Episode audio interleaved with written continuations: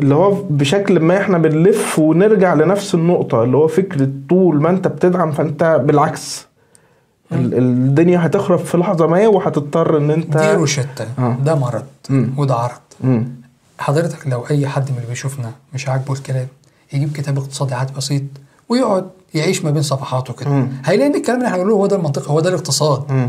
انت النهارده بتشتكي من حاجة في جسمك لازم تاخد لها العلاج الفلاني ما ينفعش تاخد العلاج الفلاني. هو ده الاقتصاد. ملهوش علاقة بقى مين محتاج إيه. مم. يعني الاقتصاد يقول لك لا أنا أدعم رجل الأعمال وما دعمش المواطن. مم. ده الاقتصاد. مم. ليه؟ ما أنا لو دعمت رجل الأعمال هياخد قروض أكتر هيعمل لي مشاريع أكتر هيدخل ناس تشتغل عمال أكتر هيطلع لي منتجات أكتر هيصدر. لكن لو دعمت المواطن هيروح يجيب أكل ويبيعه.